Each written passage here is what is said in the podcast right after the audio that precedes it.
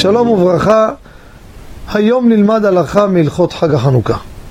נגענו בעבר והסברנו הטעם להדלקה בבית הכנסת, וכפי שאמרנו שזו מצווה חשובה שאדם אם הוא מתכבד בה לא ידחה ולא יסרב, אדרבה, ירוויח עוד ועוד ברכות, כמובן כפי שאמרנו אם הוא הולך הביתה והוא לבד, גר לבד, יברך רק להדליק נר חנוכה. לא יברך שעשה ניסים ושחיינו בלילה הראשון.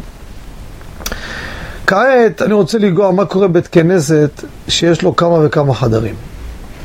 יש בתי כנסת גדולים, מרכזיים, שיש את הבית כנסת המרכזי, יש מניין נוסף בעזרה, מניין נוסף בחדר הסמוך, מניין נוסף באוצר הספרים, ועושים כמה וכמה מניינים. האם התקנה היא בבית כנסת עצמו, זה בית כנסת אחד, יש לו כמה חדרים.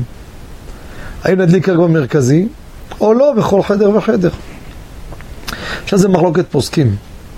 הלכה למעשה, כל חדר שמתקיימת בו תפילת מנחה וערבית, עושים מנחה, מיד לאחר מכן מדליקים לחנוכה, מהשקיעה.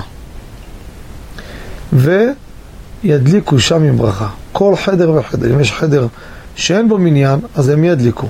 אפילו יביאו אנשים, בואו נדליק, ודאי שלא. איפה שמתפללים רק. זה לגבי מקום שהוא מורכב מכמה וכמה בתי כנסת. כי כל בית כנסת יש בו ציבור שונה לגמרי, מניין נפרד לגמרי, ויש בו את התקנה של הדלקה בבית הכנסת. ועל התקנה הזו אנחנו מברכים כפי שאמרנו את כל הברכות.